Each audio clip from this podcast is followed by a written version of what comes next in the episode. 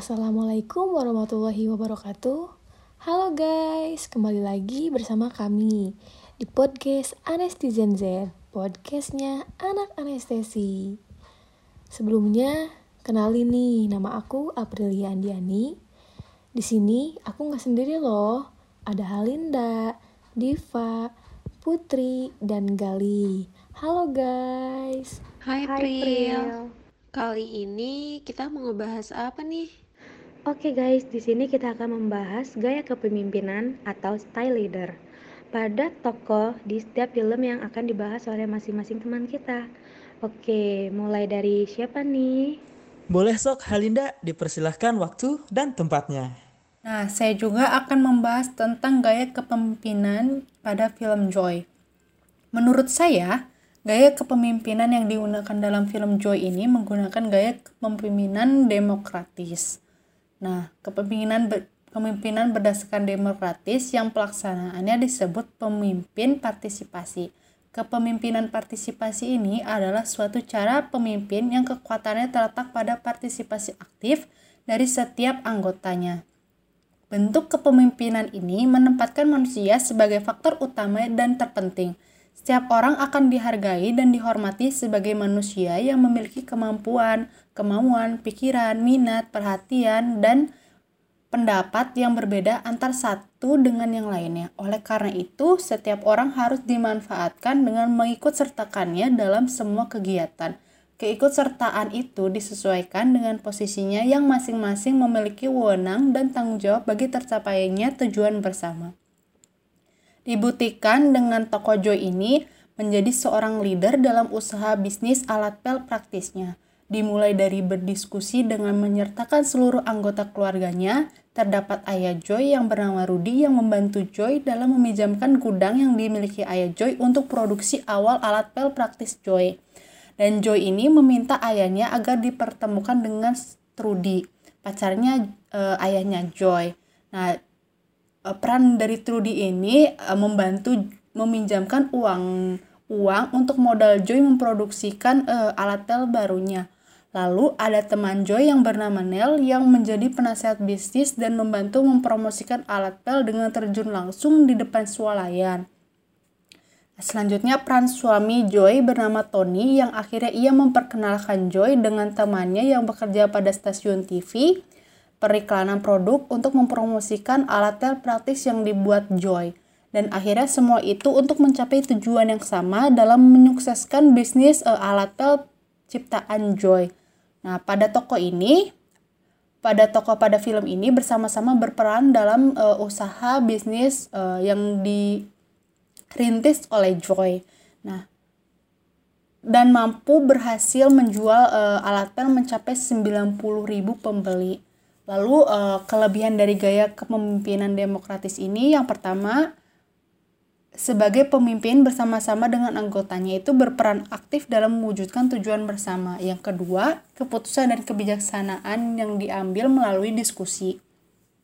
Yang ketiga, pemimpin selalu berupaya menghargai potensi setiap individu. Yang keempat, para anggota bebas untuk bekerja dengan siapa yang mereka kendaki tanpa membatasi kreativitas yang dilakukan oleh bawahannya. Lalu apa sih kelemahan dari gaya kepemimpinan eh, demokratis ini? Yang pertama, proses pengambilan keputusan akan berlangsung lama karena diambil secara musyawarah. Yang kedua, sulitnya dalam pencapaian kata mufakat karena pendapat setiap orang jelas berbeda. Yang ketiga, akan memicu konflik apabila keputusan yang diambil tidak sesuai dan apabila ego masing-masing anggota itu tinggi. Lalu, apakah gaya kepemimpinan ini sudah tepat diterapkan dalam film Joy ini? Menurut saya, pada film yang berjudul Joy ini, dalam gaya kepemimpinan yang ada pada alur cerita sudah tepat. Karena di sini Joyce sebagai leader pada anggota keluarganya. Pada gaya kepemimpinan demokratis, setiap orang harus dimanfaatkan dengan mengikut sertakannya dalam semua kegiatan usaha yang dibangun Joy. Nah, keikutsertaan ini disesuaikan dengan posisinya yang masing-masing memiliki wewenang dan tanggung jawab bagi terciptanya tujuan bersama yang sudah dijelaskan pada uh, gaya kepemimpinan pada awal. Saya akan membahas tentang gaya kepemimpinan yang digunakan dalam film Joy. Nah, gaya kepemimpinan yang digunakan dalam film Joy ini menggunakan gaya kepemimpinan demokratis. Kepemimpinan berdasarkan demokratis yang pelaksanaannya disebut pemimpin partisipasi. Kepemimpinan partisipasi adalah suatu cara pemimpin yang kekuatannya terletak pada partisipasi aktif dari setiap anggota. Bentuk kepemimpinan ini menempatkan manusia sebagai faktor utama dan terpenting. Setiap orang akan dihargai dan dihormati sebagai manusia yang memiliki kemampuan, kemauan, pikiran, minat, perhatian, dan pendapat yang berbeda antar satu dengan yang lainnya. Oleh karena itu, setiap orang harus dimanfaatkan dengan mengikut sertakannya dalam semua kegiatan. Keikutsertaan itu disesuaikan dengan posisinya yang masing-masing memiliki wewenang dan tanggung jawab bagi tercapainya tujuan bersama dibuktikan dengan toko Joy ini menjadi seorang leader dalam usaha bisnis uh, alat pel praktisnya dimulai dari berdiskusi dengan menyertakan seluruh anggota keluarganya terdapat ayah Joy bernama Rudy yang membantu Joy dalam meminjamkan gudang yang dimiliki ayah Joy untuk produksi awal alat pel praktis yang dibuat Joy. Lalu Joy meminta ayahnya agar dipertemukan dengan Trudy, uh, yaitu uh, pacarnya atau kekasihnya ayahnya Joy, Nah, Joy ini ingin Trudy meminjamkan uangnya untuk modal usaha Joy memproduksi alat pel praktisnya. Lalu ada teman Joy bernama Nail yang menjadi penasehat bisnis dan membantu mempromosikan alat pel dengan dengan terjun langsung di depan swalayan. Nah, lalu ada peran suami Joy bernama Tony yang akhirnya ia memperkenalkan Joy dengan temannya yang bekerja pada stasiun TV periklanan, produk, untuk mempromosikan alat pel praktis yang dibuat Joy dan akhirnya semua itu untuk mencapai tujuan yang sama dalam mensukseskan bisnis uh, alat pel yang di alat pel ciptaan Joy. Nah, kesimpulannya tokoh pada film ini bersama-sama berperan berperan dalam usaha bisnis alat pel praktis hasil ciptaan Joy yang akhirnya berhasil menjual alat pel mencapai 90.000 pembeli. Lalu apa sih kelebihan dari gaya kepemimpinan demokratis ini? Yang pertama, sebagai pemimpin bersama-sama dengan anggotanya itu berperan aktif dalam mewujudkan tujuan bersama. Yang kedua, keputusan dan kebijaksanaan yang diambil melalui diskusi. Yang ketiga, pemimpin selalu berupaya menghargai potensi setiap individu. Yang keempat, eh, para anggota bebas untuk bekerja dengan siapa yang mereka kehendaki tanpa membatasi kreativitas yang dilakukan oleh bawahannya. Lalu apa sih kelemahan gaya kepemimpinan demokratis ini? Yang pertama, proses pengambilan keputusan akan berlangsung lama karena diambil secara musyawarah. Yang kedua, sulitnya dalam pencapaian kata mufakat karena pendapat setiap orang jelas berbeda. Yang ketiga, akan memicu konflik uh, apabila keputusan yang diambil tidak sesuai dan apabila ego masing-masing uh, dari anggotanya itu tinggi. Lalu, apakah gaya kepemimpinan ini sudah tepat dalam yang diterapkan dalam film Joy ini? Menurut saya, gaya kepemimpinan pada film yang bertuju Joy ini uh, dalam gaya kepemimpinannya yang ada pada alur cerita sudah tepat karena di sini Joy sebagai leader pada anggota keluarganya pada gaya kepemimpinan demokratis ini setiap orang harus dimanfaatkan dengan mengikut sertakannya dalam semua kegiatan usaha yang dibangun Joy. Nah, ke keikutsertaan itu disesuaikan dengan posisinya yang masing-masing memiliki wewenang dan tanggung jawab bagi tercapainya tujuan bersama yang sudah diceritakan di awal. Jadi gitu guys cerita uh, film Joy. Ayo dong uh, cerita kalian gimana?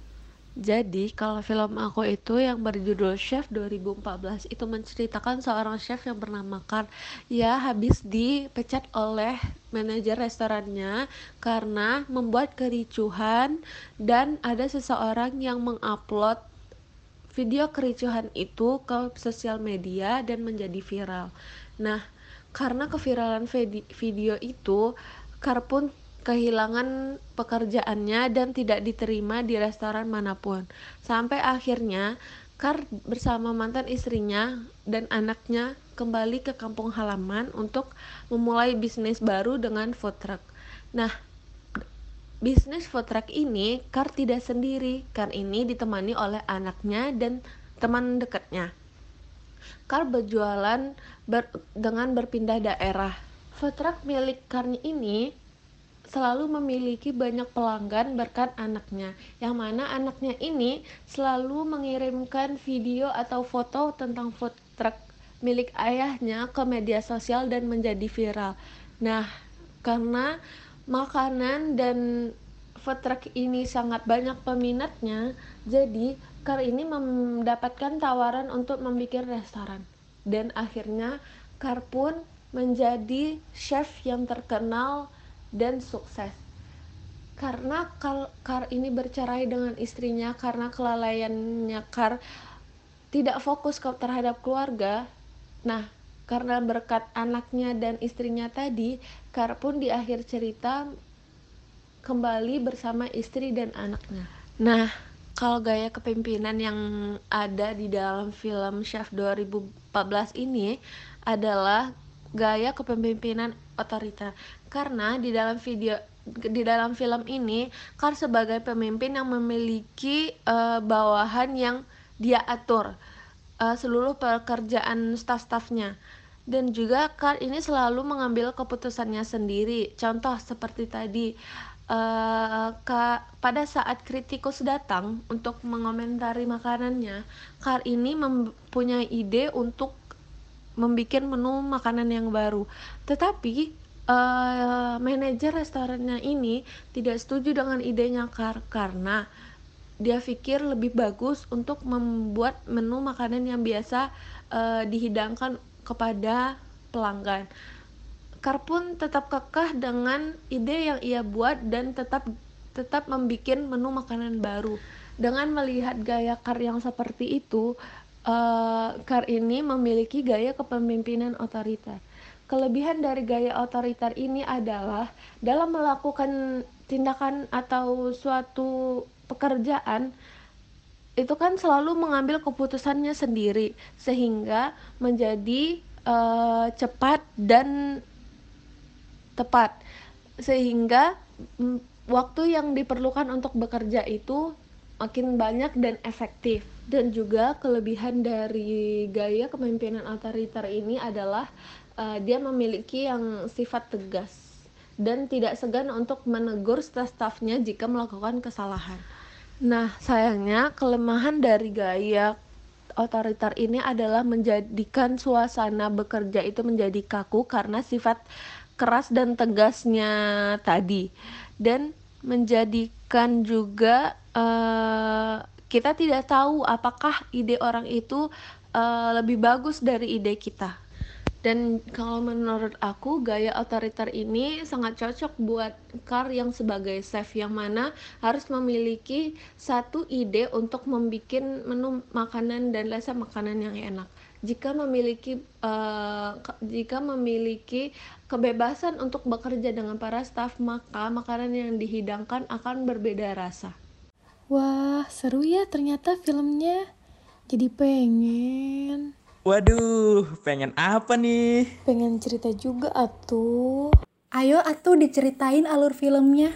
Nah, jadi film aku berjudul Coach Carter tahun 2005 yang diperankan oleh Samuel L. Jackson sebagai pelatih tim basket SMA Richmond yang merancang strateginya dalam kontrak perjanjian. Kenyon sebagai penengah pada tim dan orang yang mempunyai nilai yang bagus sehingga mau mengejarkan kepada anggota tim yang lain. Damien Carter merupakan anak dari Coach Carter. Sebagai anggota yang selalu mengikuti aturan dan jika melakukan kesalahan mendapatkan hukuman sesuai aturan. Walaupun anak dari coach, tetapi mendapatkan perlakuan yang sama. Jason sebagai kapten yang dapat diandalkan dalam lapangan. Secara tidak sengaja sudah dipraktekkan pembentukan job design dalam organisasi desain. Kunci dari keberhasilan organisasi adalah hubungan antar pekerjanya, sehingga berdampak positif terhadap produktivitas kerja. Coach Carter memberikan hormat kepada setiap pemainnya dengan kalimat panggilan "Sir" yang bertujuan agar sesama pemain dan pelatih saling menghormati. Coach Carter memikirkan masa depan para pemainnya, sehingga hal itu berimpak pada saat Coach Carter ingin dipecat. Para pemainnya pun membela Coach Carter, di mana pada saat keras, kelelahan, dan tidak dapat menyelesaikan hukumannya. Anggota lain membantu menyelesaikan hukumannya, hingga keras dapat kembali ke tim. Gaya kepemimpinan dalam film Coach Carter ini adalah otoriter yaitu pemimpin melakukan kontrol maksimal terhadap staf, membuat keputusan sendiri dalam menentukan tujuan kelompok. E, alasannya adalah Coach Carter merancang strateginya karena ia ingin merubah tim basket SMA Richmond menjadi tim unggulan. Coach Carter ini mendidik disiplin pemain di dalam dan di luar ruangan. Lalu, kelebihan dari gaya kepemimpinan ini adalah pemimpinnya menciptakan tim-tim di mana setiap orang ingin menjadi bagiannya. Anggota tim sering kali lebih produktif dan mau mengambil resiko, karena mereka tahu bahwa pemimpin mereka akan menyediakan dukungan ketika mereka membutuhkannya. Sedangkan kelemahannya adalah beberapa pemimpin mengambil pendekatan ini terlalu jauh, mereka mungkin meletakkan pengembangan anggota tim di atas arahan atau tugas proyek. Gaya kepemimpinan ini sudah tepat diterapkan dalam film Coach Carter. E, karena Coach Carter pemimpin yang sangat tegas, di mana tegas itu diartikan suatu keputusan yang diambil secara cepat, tepat, dan jelas dalam situasi yang tidak mengambang dan berlarut-larut. Lalu, kalau gaya kepemimpinan film Gali sama Putri, apa? Kalau aku sih gaya kepemimpinannya demokratis ya. Jadi filmnya tuh gini. Film yang judulnya McFarland itu menceritakan tentang seorang pelatih memberi arahan di saat jeda pertandingan dan kemudian melukai anak didiknya. Pelatih tersebut adalah Jim White yang diperankan oleh Kevin Costner dan dapat diprediksi akhirnya Jim dipecat dari pekerjaannya. Catatan pekerjaan tidak bagus dan masalah membuat Jim kesulitan mendapat pekerjaan di tempat lain. Karena reputasi buruk itu, maka mau tidak mau mereka pindah ke McFarland, California bersama istri dan dua putrinya. McFarland sendiri merupakan salah satu kota termiskin di Amerika yang sebagian besar penduduknya diisi orang-orang Meksiko dengan sebagian besar pekerjaan sebagai pemetik buah dan sayuran. Satu-satunya pilihan adalah melatih di kotak kecil McFarland. Jim yang dasarnya pelatih rugby melihat potensi lain yang dimiliki oleh sebagian besar anak didiknya, didesak oleh kebutuhan ekonomi yang menghampit, maka mayoritas anak didik Jim bekerja di ladang sebelum dan sesudah usai sekolah. Kesibukan tersebut memaksa mayoritas siswa di McFarland untuk berangkat ke sekolah dengan mengandalkan lari. Hal ini perlahan disadari oleh Jim sebagai potensi McFarland. Dan di kemudian hari ia pun membentuk tim lari untuk mengikuti lomba. Tim ini terdiri atas Thomas, Johnny, Jones, Victor, dan Dias bersaudara. Berbagai kendala dihadapi Jim minimnya fasilitas, konflik dengan orang tua dia bersaudara, masalah keluarga Fales, waktu keluarga yang berkurang karena latihan, rasa minder anak asuhnya terhadap tim lain dan dapat beberapa hal yang harus ia atasi. Pada akhirnya, tekad dan keberanian mereka untuk mewujudkan mimpi demi sekolah dan McFarland membuat mereka semakin dekat untuk meraih kesuksesan. Setelah berlatih dan melalui banyak rintangan dan masalah, akhirnya tim mereka memenangkan pertandingan. Jadi gitu guys, untuk alur ceritanya.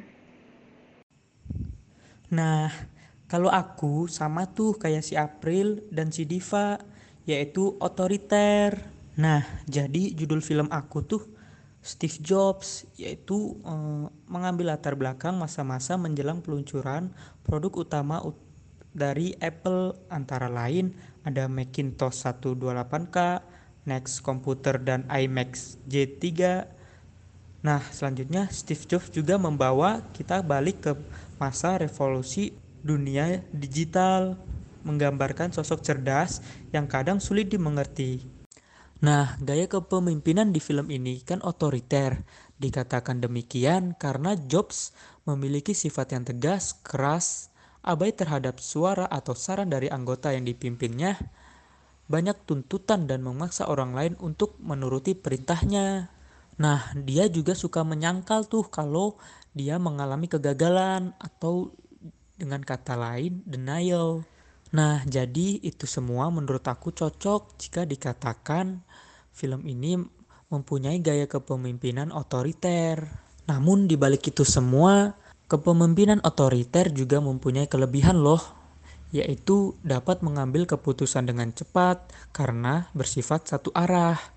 Lalu memiliki sifat tegas dan tidak segan menegur karyawannya. Lalu yang terakhir, memberikan dorongan motivasi dalam produktivitas secara spesifik. Namun untuk kelemahannya yaitu menjadikan suasana kerja kaku karena adanya sifat keras dari pemimpin.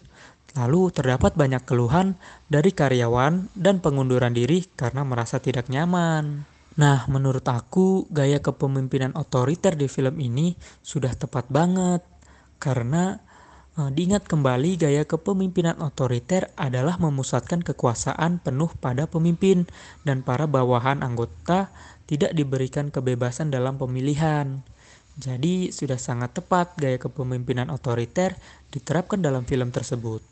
Karena dalam film tersebut, pemeran utama memiliki watak yang keras, egois, abai terhadap suatu saran dari anggota atau bawahan, lalu memaksa orang lain untuk menuruti perintahnya, serta Steve Jobs memiliki sikap yang denial atau sikap penyangkalan terhadap suatu kegagalan, gitu. Wah, ternyata film kalian seru-seru juga ya. Ntar aku mau nonton juga ah. Iya nih, kalian harus nonton film aku, soalnya seru banget. Boleh, boleh. Ntar aku juga mau nonton ah. Hmm, kayaknya podcast kita udah cukup panjang nih guys, iya nggak sih? Gimana kalau kita akhiri aja yuk Besti? Yuk. Ya udah, mungkin cukup sampai di sini. Dadah teman-teman. Wabillahi taufiq walhidayah. Wassalamualaikum warahmatullahi wabarakatuh.